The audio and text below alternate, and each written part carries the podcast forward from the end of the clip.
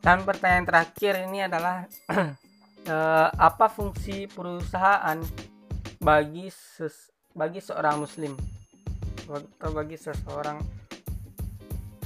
beragama Islam. Yang pertama yaitu fungsinya adalah sebagai tempat ibadah dan sebagai arena jihad karena e, perusahaan ini adalah wadah untuk mencari nafkah. Kembali lagi kalau seseorang yang mencari nafkah untuk keluarganya itu termasuk ke dalam jihad visabilillah.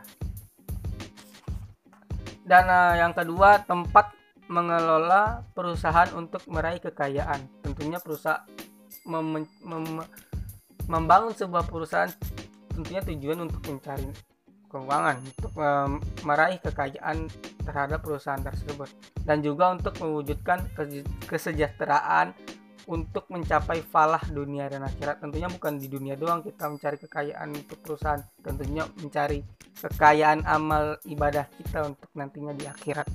Dan yang ketiga arena perperangan melawan bisnis maghrib dan perang melawan kemiskinan. Di sini harus melawan kemiskinan supaya men bisa menyejahterakan orang dan menyejahterakan keluarga dan diri kita sendiri. Kurang lebih begitu dari saya Wahyu dari saya kalau ada salah mohon maaf. Oke kita tutup. Assalamualaikum warahmatullahi wabarakatuh